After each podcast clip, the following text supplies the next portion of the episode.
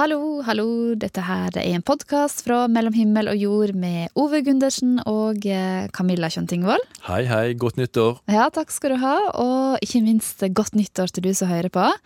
Det er jo fint å ha deg med i 2019. Og vår eh, første podkast eh, i år, den skal aller først handle om eh, nyttårstaler. Ja, fordi at eh, nylig så holdt eh, både kong Harald og eh, statsminister Erna Solberg sine taler til folket. Fikk du med deg det?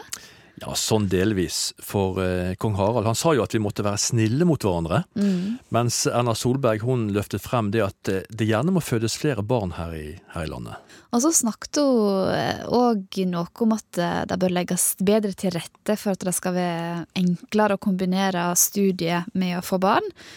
Men hvor lenge tror du effekten av slike nyttårstaler virker da, egentlig? Har du gjort deg noen tanker om det? Tja, ikke så veldig mye tanker, men for alt jeg vet, så kan jo den produksjonen av barn være i godt i gang allerede. Men akkurat der har jo ikke vi innsikt nok til å si så mye vettig om det. Nei, da. absolutt ikke. Men når selve kongen ber oss om å være snille mot hverandre, og sier at et smil kan gjøre en forskjell, så håper jo jeg, om sikkert alle andre, at denne effekten vil vare eh, lenge, da. Men, men sånne ting må jo sies om igjen og om igjen og om igjen. Tror ikke du det? Jo, og så kan vi jo gjenta det her hos oss. Du var jo så blid når du kom på jobb i dag, eksempel. ja, derfor jeg det så deg det, Camilla. da blir jo alle blide, da. Jeg bukker og nikker og neia. Men du, nå har jo vi hørt både kongen og statsministeren eh, som har sagt sitt. Eh, nå syns dere det er på tide å høre folket sin nyttårstale. Ja, jeg har vært på gaten, og så har jeg bedt folk rett og slett snakke ut sitt budskap. Kjære alle mennesker i landet vårt. Det er like mye til meg sjøl som til andre. Det handler om miljøet. At eh, hver lille ting man gjør eh, er verdt det og er viktig. Fordi det er krevende å omstille seg. Jeg syns det. Jeg syns det er vanskelig å redusere forbruket, vanskelig å tenke miljø hele tida. Men, men jeg prøver å gi meg sjøl en klapp på skuldra for hver lille ting jeg gjør. Har du gjort en liten ting i dag som du kommer på? Jeg har sortert søpla mi. Ja, ja. Det gjør jeg jo hver dag. Eh, Men jeg har mer dårlig samvittighet for at jeg tok bilen én gang for mye i dag. Fy. Ja, sant? Så det er like mye til meg sjøl. Kjære landsmenn. Da har jeg villet oppfordre alle til å tenke litt mer medmenneskelig og, og bry seg mer om hverandre. Ta vare på dem som er rundt, og det med å se hverandre tror jeg har vært viktig. Og så en kopp kaffe av og til. Ja, en kopp kaffe er ikke dumt. Det er mye bra som løses via det. Kjære landsmenn. Jeg er med i en forening som heter Hjernesurforeninga. Når jeg ble dårlig, så visste jeg ikke om den. Og det vil jeg gjerne at folk skal vite, at det- det er faktisk noe som heter det. Hva ville du sagt om den foreningen da, i forhold til 2019? Vi har jo kreft i hodet, vi som har det her. Utgangen for en del folk er døden, rett og slett. Det er det. Så det syns jeg er veldig synd. Og da har jeg selvfølgelig ønska at de har funnet en, løsning på et eller annet, fått til noen ting på det her. Rett og slett en medisin eller Ja, et eller annet som kan eh, kurere? Ja, et eller annet. Ja, Ja. har det. Hvordan er dine prognoser da? De er heldigvis veldig bra. De er det. Jeg har fått bort alt, og, og det ser bra ut. Jeg, men det er like spennende hvert, hver gang, da. For nå er jeg på MR annethvert år se og sånn. Og da er heldigvis så sier de det at sannsynligvis vi kommer ikke til å få det tilbake noe mer. Black Friday. Hvor, ok, Hvorfor har du Black Friday i Norge? For Black Friday kommer fra US, men det er mening, har ikke mening. Meningløs. Meningsløs. I, 20, I 2019 så ønsker du å avlyse Black Friday i Norge. Akkurat, ja. Ja. Og jeg, jeg kjenner mange folk i, i, hjemme i US, men også her, som sier jeg vil kjøpe ingenting på Black Friday.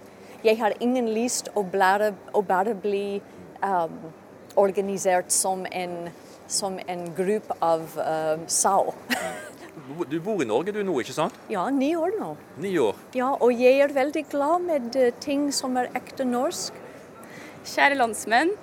eh, Jeg så talen til Erna, og jeg må si jeg er litt uenig i at folk skal få flere barn. Jeg syns heller vi skal ta inn flere, sånn at vi kan heller hjelpe dem som er i verden. Hvem tenker du på spesielt på da? Nei, barn og unge som lever under krig, og gi dem en mulighet til å komme hit. Og I stedet for at vi tenker at vi må heller få flere barn, egentlig. Det var det jeg satt og tenkte under hele den talen. Hvorfor sa han ingenting om det da, tror du? Nei, det går vel kanskje litt imot deres uh, politikk, da. Så jeg tenker kanskje hun vil Og så tror jeg også at det er veldig mange som er redd og skeptisk for å miste norske, for hun hadde veldig fokus på vaffelstaking og skigåing og sånne ting. Og da tror jeg folk blir redd for at det skal bli bort, rett og slett. Kjære landsmenn, vær dere sjøl. Eh, nei, jeg ville ha sagt at eh, vi må tenke litt på hvordan vi snakker til hverandre. Grunnen til at jeg begynte å tenke mer, mer på det, er jo Trump.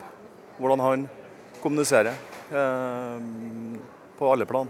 Eh, og det handler også om eh, den oppvoksende generasjonen at altså de kan du kalle seniorene har en bra måte å forholde seg til hverandre på. Tror jeg er viktig. Kjære nordmenn. Nå er jeg helt svimmel. Og, og, og så ville jeg sagt at jeg syns det er et nederlag for landet at vi skal ha en regjering med Fremskrittspartiet i, og Kristelig Folkeparti. Og nesten Venstre òg, for de er så små, ikke sant. Så, så det syns jeg. Men jeg orker ikke, jeg greier ikke å formulere meg. Har du noe ønsker for det nye året? Nei, egentlig ikke. Hvis du skulle holdt en sånn liten mini-nyttårstale, da, hva ville du sagt da? Nei, godt nyttår. ja, godt nyttår. Sånn hørtes det iallfall ut eh, da folk på gata holdt eh, nyttårstale.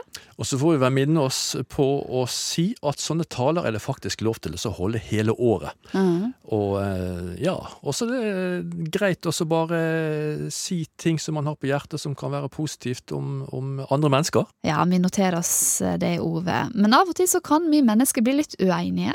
Og det er jo egentlig menneskelig, da. For, eh, for denne verden er jo ikke en plass for likesinnede mennesker, først og fremst. Mm. Men eh, kanskje vi kan være flinke til å lytte til hverandres eh, argumenter, altså til, til motstanderen vår? Ja, fordi at eh, er vi egentlig så flinke til å høre etter hva eh, den som diskuterer med mener? Altså hva ligger det egentlig da? Eh, dette her det fører oss over på praten som jeg har hatt med programleder Leo Ajkic. Og han er for tiden aktuell med TV-programmet Uro der han lytter til folks meninger og det som folk uroer seg over. Jeg må jo eh, få ønske deg velkommen i studio, Leo Eikic. Tusen, tusen hjertelig takk, Også. Du, eh, jeg lurer på, har du opplevd noen gang at du eh, har vært uenig med noen? Hele tiden. Hver dag. Det kan være småting om, om vi skal gå venstre eller høyre. Det kan være noe så gøy som på ferie. Hva skal vi gjøre, dette eller dette? Det kan være politiske ting som skiller oss, fremtiden. Det kan være hva som helst om om det er greit å kjøpe en bil som går på bensin eller diesel i dag eller ikke. Det kan være hva som helst. Nei, det er nok ikke bare Leo Ajkic som kjenner seg igjen i disse situasjonene. Du har ei sterk mening om noe som er smått eller stort, men sidemannen stiller ikke seg bak argumentene dine. Frustrasjonen vokser, hodet koker. For det er det du mener, det er vel det som er rett, er ikke det det? Jeg reiser hjem for å treffe Nina Gjerpseth Østli. Hun skapte en liten mediestorm da hun kalte meg islamist på Facebook. Men jeg skal ikke møte henne for å krangle. Men for å høre hva hun er urolig for. Gjennom TV-serien Uro så har programleder Leo Ajkic fått folk til å snakke åpent om meningene sine. Om innvandring, klima, velferdsstaten, sosiale medier og hat. Og i stedet for å krangle, så tar Leo i bruk ørene sine, lytter, og så prøver han å sette seg inn i bekymringene som noen kan gå og føle på. Altså, jeg har jo lyst til at vi skal jo ha et miljø og å kunne være venner og kunne leve med folk vi er uenige med. sant? Og det er jo fordi at verden er ikke et møtested for likesinnede. Folk har forskjellige interesser, forskjellige måter å tenke på. Selvfølgelig, det finnes noen ideologier og noen måter å leve på som er ekstrem, som ikke har plass til i fellesskapet, og det mener jeg òg, liksom. Vi trenger ikke å si hvilken, men det er noen ting som ja, som ikke er greit, tenker jeg uansett. Men, eh, men, men, mange andre ting er greit, og det er forskjellige måter å gjøre ting på. Men uh, i denne serien din, uh, som vi får se nå på NRK, så, uh, så tar du med deg inn et verktøy i samtalene med de du møter. Det å lytte. Forklar det. Vi har jo mange debatter i dag, og vi har jo mange ting der folk eh, egentlig debatterer, krangler, prøver å komme mm, med sitt egen eh, Altså prøver å snakke, men må forholde seg til noen andre, og så er det krangel, og så blir det sånn. Men, men det er jo ikke alltid alle får en plattform til å bare bli hørt. Og med senket Altså ta, ta det rolig og bare bli hørt og fortelle om det de er bekymret over, og det de er urolige over. Og, og kanskje føle at de ikke blir dømt, eller Ja. Men samtidig blir tatt på alvor, da. Men må en alltid bli enig? Vi må ikke bli enige, men vi kan jo bli enige om å bli uenige. Men dette her med å være enige om å være uenige, Mm. det kan jo være så vanskelig òg. Det er jo vanskelig å komme til det punktet der. Mm. Fordi at jeg står på mitt, og du står på ditt. Ja, og så Det er jo det, så lenge det ikke er helt drøye, drøye, drøye Jeg kan leve med at det blir bompenger, og du kan leve med at det ikke kommer en bro der du ville ha en bro, på en måte. Så må du ta ferge. Men det er sånne små ting som vi kan leve med. Som vi er uenige med. Eller ikke nødvendigvis små, det kan være stor for noen òg. Eller om utdanning skal være gratis, eller om det skal være privat, privatisert, eller om samme Det er jo ting som på en måte men man kan tilpasse seg, og man kan overleve. Men så er det en del ting som jeg ikke kan være, liksom. Og det, ja. Så innenfor visse grenser så la er oss si det noen, la oss si greit. noen vil snakke om rettigheter for at voksne skal ha sex med mindreårige enda lavere enn 16. De er jeg helt uenig med. Jeg må jo høre på det og høre hvem disse folka er, men jeg tror ikke jeg personlig hadde greid å forholde meg til det, eller liksom Hva heter det? Være med noen som jeg visste ville bruke det til sin fordel. Mm. Så, vi- men du må i hvert fall høre hva som er grunnen, da. Altså først åpne opp. ja. Av og til kan det splitte oss, og av og til Men mest sannsynlig, hvis vi har en fin, bra dialog, så kan vi også bli enige om å være uenige, eller vi kan finne en mellomting og bli enige, men men mye av tingene er liksom hvordan skal vi løse dette, sant. Mange er jo, la oss si, uenige om klimaendringer er menneskelige eller ikke. Jeg tror at det er menneskeskapte, og jeg skal ikke si jeg vet, for jeg vet ingenting, men jeg tror. Og, eh, og så er det mye diskusjon hvordan vi skal løse det, hva vi skal gjøre. sånt. Mm. Så innenfor visse områder så er det greit å bli enige om at uh, en er uenige, men eh, hvis det blir for drøyt, så er det litt vanskelig. Mm. Og så er det også store ting som vi, jeg, deg. Ja, vi kan utgjøre en forskjell, men vi alene kan ikke ordne opp i det her. Så derfor er vi avhengig av hverandre. Vi er avhengig av å liksom kommunisere, samarbeide, og det er det liksom Ja. Så hvis vi ser det for oss på godt og vondt, så er det mulig. Leo Ajkic mener at vi bør lytte til de som har andre meninger enn oss sjøl. Mm, Og Uro, der han er programleder, ser eh, du hver eneste torsdag fra klokka 19.45 på NRK1 eller når som helst i NRK TV. Ja. Mellom himmel og jord. Eh, nå så tenkte jeg at vi kunne snakke litt om amerikansk politikk. Ja, eh, bitte litt om eh, hvordan Kongressen er satt sammen nå etter at nye medlemmer ble tatt i ed denne uka her. Mm, kongressen er jo den lovgivende nasjonalforsamlinga i USA, og her er det da snakk om endringer. Det er det. Representantenes hus, altså den ene delen, har blitt mer fargerik nå. Hør bare her. Ilhan Omar. Happy, happy win to you. Congratulations on your first gigantic win. You are the first Somali American ever. Det her er den første somaliskfødte kvinne valgt inn i Kongressen noensinne. How you feeling this morning? Good morning, Whoopi, and the rest of you. I feel really happy, very excited, and honored to have the opportunity to represent my people. Og hun var ikke store jenta når hun kom til USA. Hun var tolv år gammel, kom fra Somalia.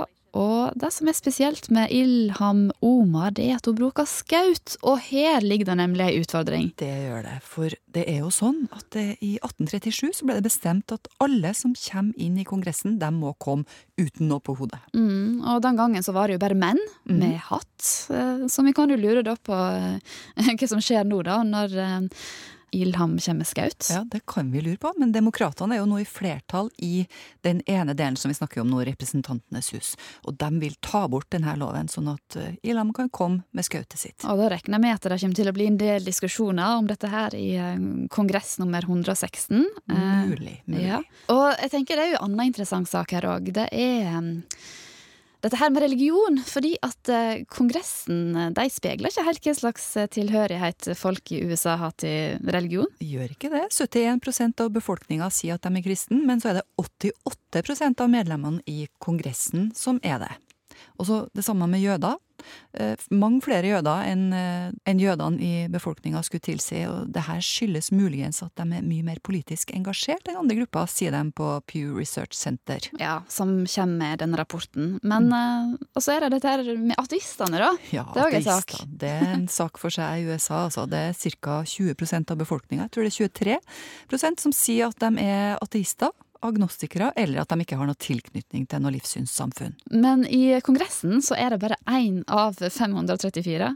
Én av 534. Mm. En dame som heter Kirstin Sinema. Hun har sittet der i tre perioder, og fortsatt så er jeg alene om å være åpen om eh, at du ikke har noe religion, da.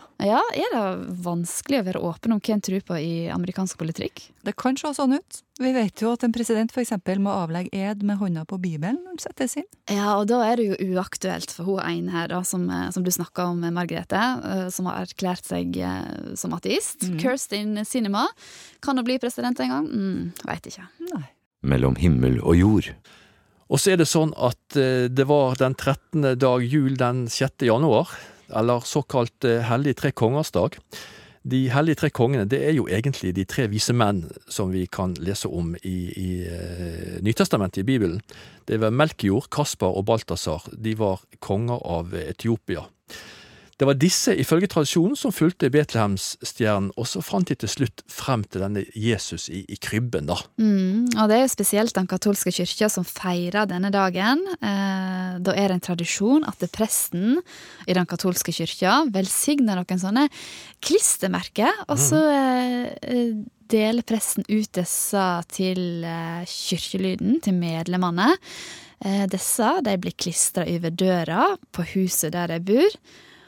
Og sogneprest Egen Bogstad i St. Olavs menighet i Trondheim, han skal fortelle mer om eh, denne symbolikken. Spennende. Du ser det er en sånn transparent, og så står det C pluss M pluss B. Og det står for to ting. Kaspar, Melchior, Balthazar. Det er navnene han har gitt de tre vise menn. Men det kan også bety da Kristus mansionem benedicat. Måtte Kristus velsigne huset. Hvis vi går rundt hjørnet, så skal du se akkurat over døra til en av mine kapellaner. Eller på døra. Her har han satt den fra i, fra i fjor, da. Utgangspunktet er jo at um, i eldre tid så var det jo en dag hvor prestene var veldig travle med å besøke folk hjemme. For da velsignet de huset, og så skrev de med kritt akkurat dette her over døra. Så det er en moderne utgave. Men hvorfor gjorde man det, da? Eh, det er et uttrykk for, den, eh, for denne nærheten til Kristus, og, og, at eh, man sier 'mitt hus er Kristi hus'. Så det er jo det som ligger bak det. Men hvorfor akkurat 6. januar? Det er da Kristus trer frem for verden. Og det første uttrykket for det er jo nettopp at disse ikke-jødiske tre vise menn kommer og tilber barnet. Et uttrykk for at Kristus trer synlig frem for hele verden. Det er ikke en intern jødisk sak lenger, men eh, det går ut i, i verden. Kan jeg få en sånn der, selv om jeg ikke er katolikk? Ja, nå er den ikke velsigna ennå, da. Men det gjør kanskje ikke så mye for deg? men det at den ikke er velsigna, betyr det at den ikke funker, da? eller? Det skal ikke jeg si sånn uh, uten videre. Lutheranere er også opptatt av, av at uh, det er prinsippene som teller. Men vi er mer konkrete uh, og fysiske, så, så vi vil helst velsigne dem. Hva gjør det for folk da, å ha den her hengende, tror du? Altså, Det er klart det er en tradisjon. Og derfor er det også blitt et slags Catholic pride, et stolthetstegn. Jeg setter dette over døra mi og viser at jeg er katolsk kristen. Må du liksom velsigne hver og ett klistremerke nå? Nei da. Da, da ligger eh, alle disse her på et, eh, et pent fat fremme på, i koret på et bord. Så jeg bare velsigner dem med, med vidvann. Ja, jeg kan godt, jeg kan godt velsigne dem. For jeg har, jeg har vidvann her. Og da rett og slett så tar jeg vann her, så sier jeg i Faderens og Sønnens og Den hellige ånds navn. Måtte dette bli til velsignelse og økt innsikt for den som setter det over døra si. Amen. Ja, Så man får, man liksom får økt innsikt? eh, Det, det kan vi jo håpe på. Ja, og der fikk eh, kollega Lise Sørensen velsignet sitt klistremerke til slutt. Og så får jo tiden vise om det fører til enda større innsikt eh, da. Selv om Lise er jo allerede et klokt menneske. Ja, hun er jo det. Men det var i hvert fall eh, sokneprest i St. Olavs menighet i Trondheim, Egil Mogstad, som fortalte hvordan denne her katolske kyrkja feirer denne dagen, altså Hellige tre kongers dag. Det her det er lyden av folk som går inn i en kontorbygning. Denne kontorbygningen tilhører ei fagforening i eh, Jordan. Ja, og de som går inn her, de må jo da tråkke på det israelske flagget som er malt på gulvet. Så de må Mm. tråkke, tråkke på dette flagget for å komme inn. Ja, og dette skaper reaksjoner, for da en eh, jordansk minister eh, altså tråkka på flagget som er malt. I forrige uke så ble det bråk. Mm. For det, det å tråkke på et flagg, det er alvorlig, altså. Det blir sett på som eh, respektløst og krenkende. Ikke, ikke bare der, men også hjemme. Jeg er veldig glad i flagget vårt sånn egentlig. det er jo liksom på grensa til å være litt hellig. Det skal liksom respekteres, på en måte. Jeg syns vi skal behandle flagget godt, fordi at vi må, da tar vi liksom vare på et symbol på landet. Så da syns jeg ikke liksom vi skal ikke respektere det med å legge det i bakken og legge det i sølepytta og sånt, for det, det syns jeg ikke noe om. Man skal ikke ha det ned i bakken, tråkk på det. Man skal vise respekt til Norge, liksom. Blir du stolt når du er i nærheten av flagget? Man blir stolt av det. Føler at jeg er norsk, liksom. Folk på gata i Trondheim er glad i det norske flagget, som har et ordløst språk som snakker til følelsene våre, ifølge sosiolog ved KIFO, Institutt for kirke-, religions- og livssynsforskning, Olaf Ågedal. Og da kan det sette meg i feststemning. Hvis det nå er flagg som henger på fralstang, så, så kjenner jeg eh, sorg. Jeg skjønner at det er noen som har mista noen som eh, de sørger over. Og jeg blir på en måte en del av ei større sorg. Olaf mener flagget snakker til følelsene våre fordi det er et symbol på tilhørighet og hvor vi hører hjem hen.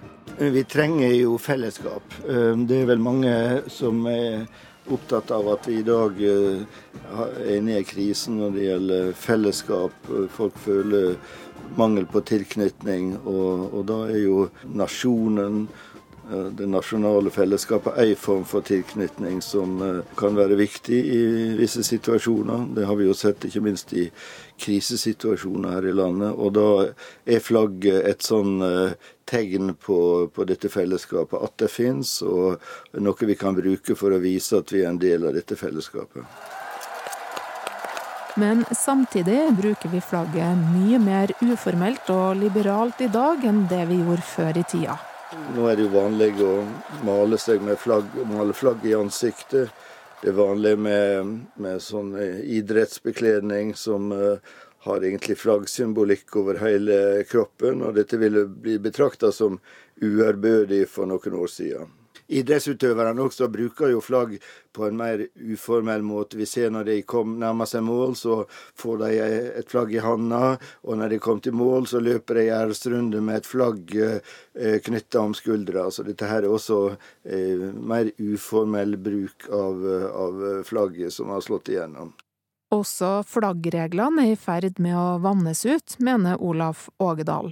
Han eh, tenker da på regler for når og hvor lenge flagget skal henge ut, og hvordan det skal brettes.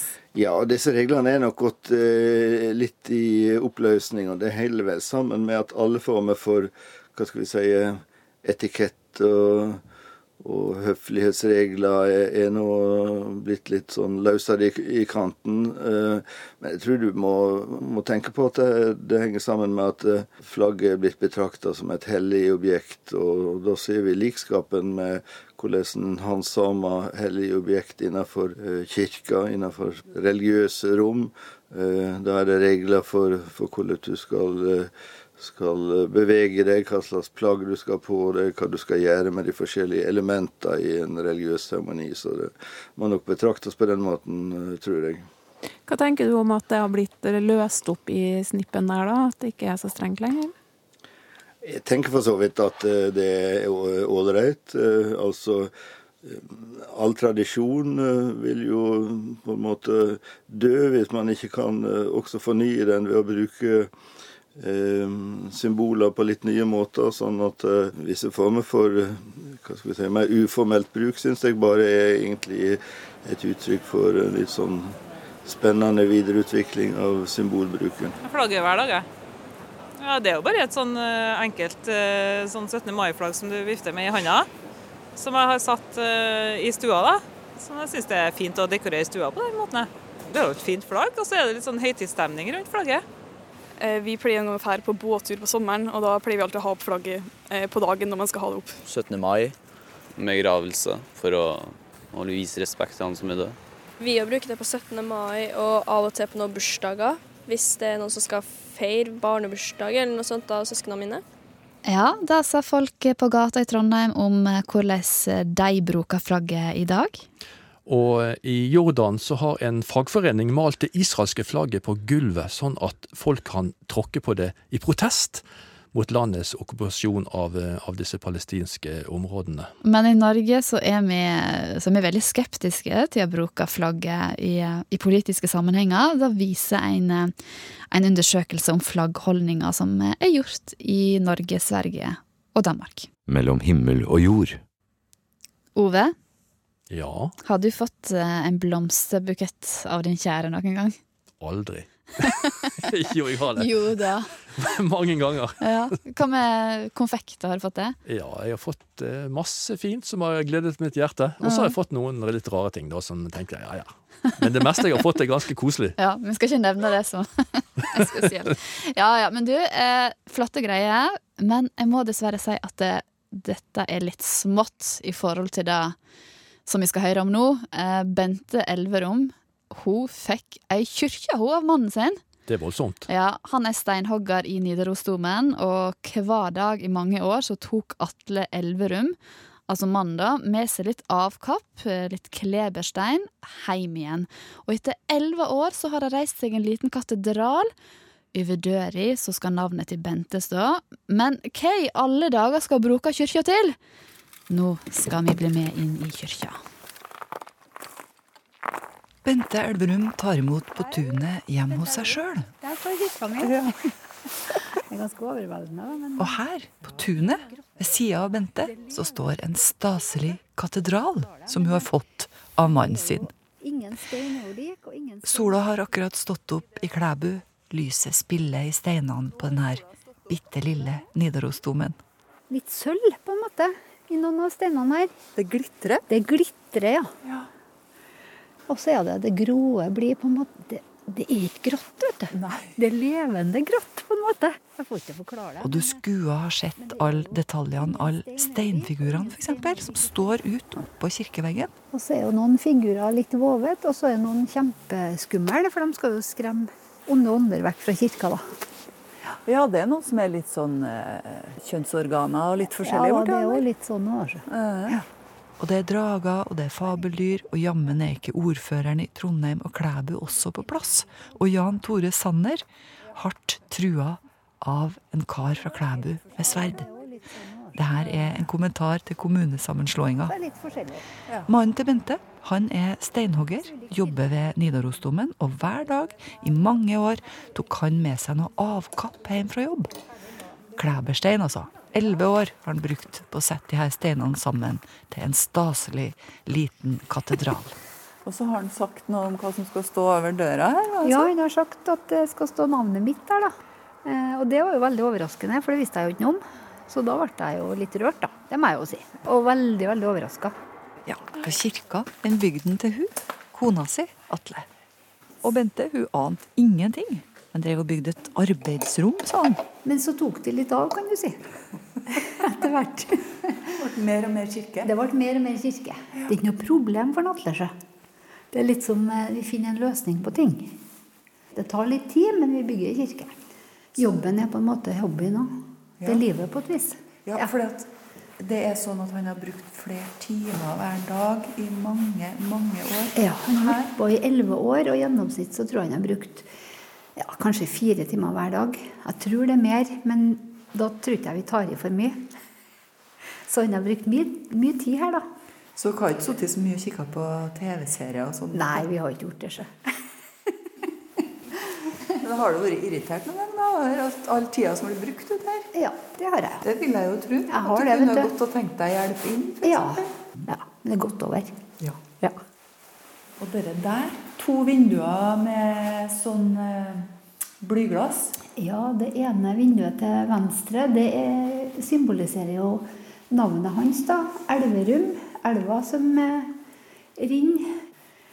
Og så er det navnet mitt, da, Fanavold, som kommer, og så er mønsteret i fanakofta. da. For alle som kommer fra Fana, har jo fanakofte. Du òg? Jeg òg. Pluss kirke. Pluss kirke. Både kofte og kirke.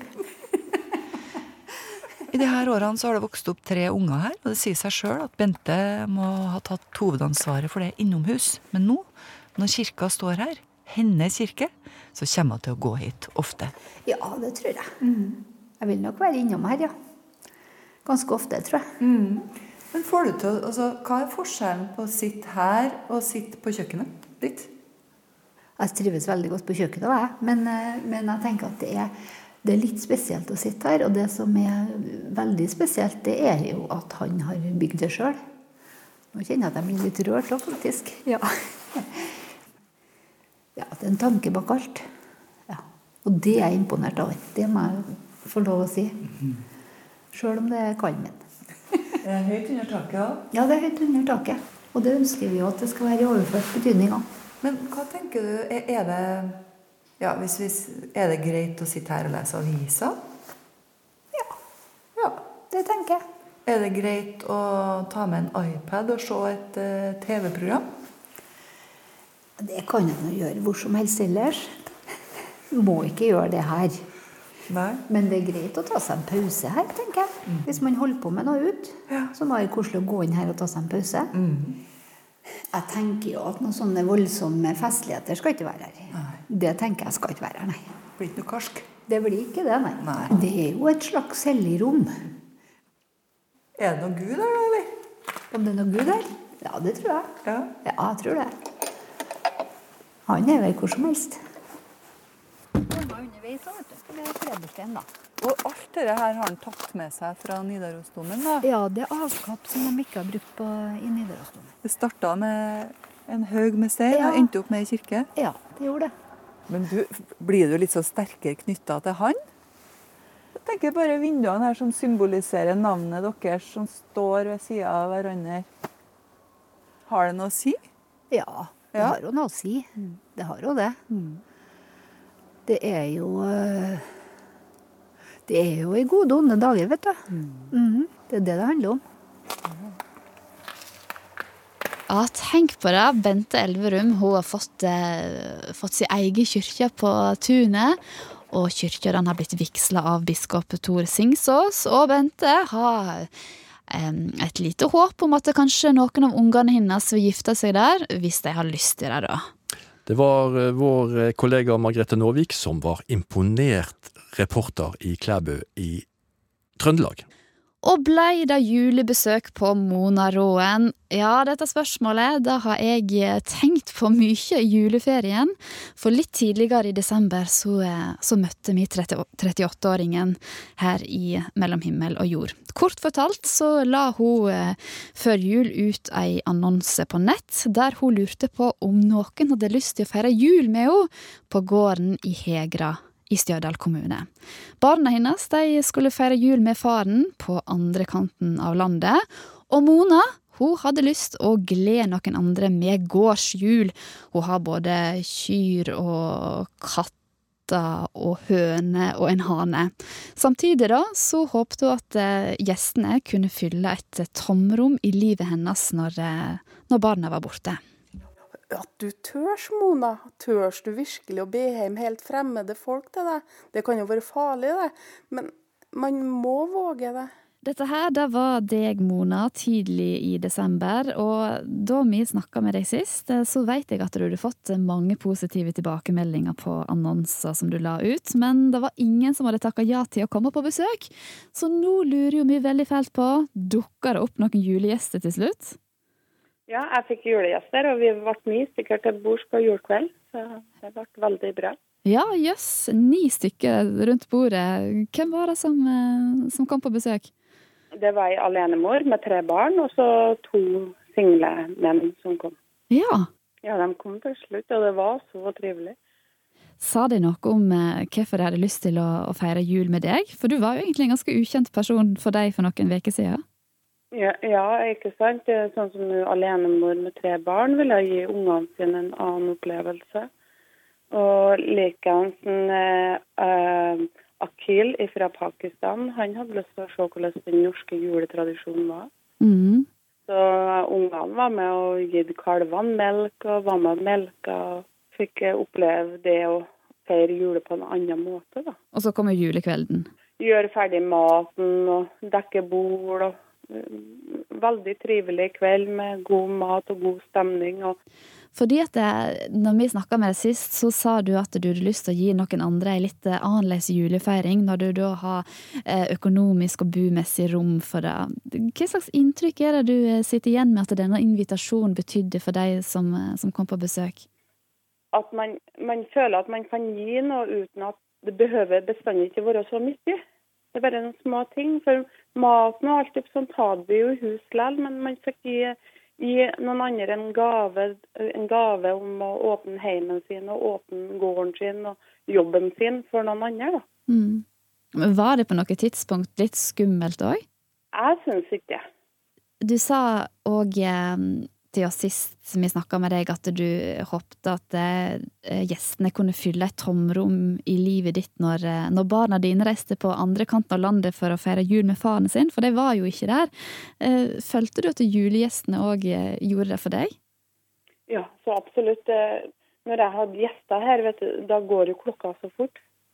Tida går så fort. Du vil ikke det å jeg vinner ikke å sitte og sture, på en måte. Man vinner ikke å sitte og vente på at klokka skal gå framover. Mm. For når man heller kan få lov å være vertinne for noen og se gleden og smilene og latteren, da går kvelden jo fort. Ja, så de hjalp på en måte hverandre? Ja, vi hjelper hverandre. Går det an å si det at du har fått noen nye venner? Nye venner. Mm. Nye bekjentskaper for resten av livet. Ja, så fint da, for jeg har jo gått og tenkt på, på, deg i jula, Mona, om du fikk besøk til slutt. Tusen hjertelig takk for praten, Mona Hegra. Du er jo ei dame med et stort julehjerte, vil jeg si. Takk for det. Hei, hei. Hei, hei. Og dette var egentlig det. Jeg håper at du som har vært med oss, stikker innom oss neste mandag, for da legger vi ut en ny podkast. Ove Gundersen og Camilla Kjønn Tingvold, det er navnet vårt. Vi høres igjen.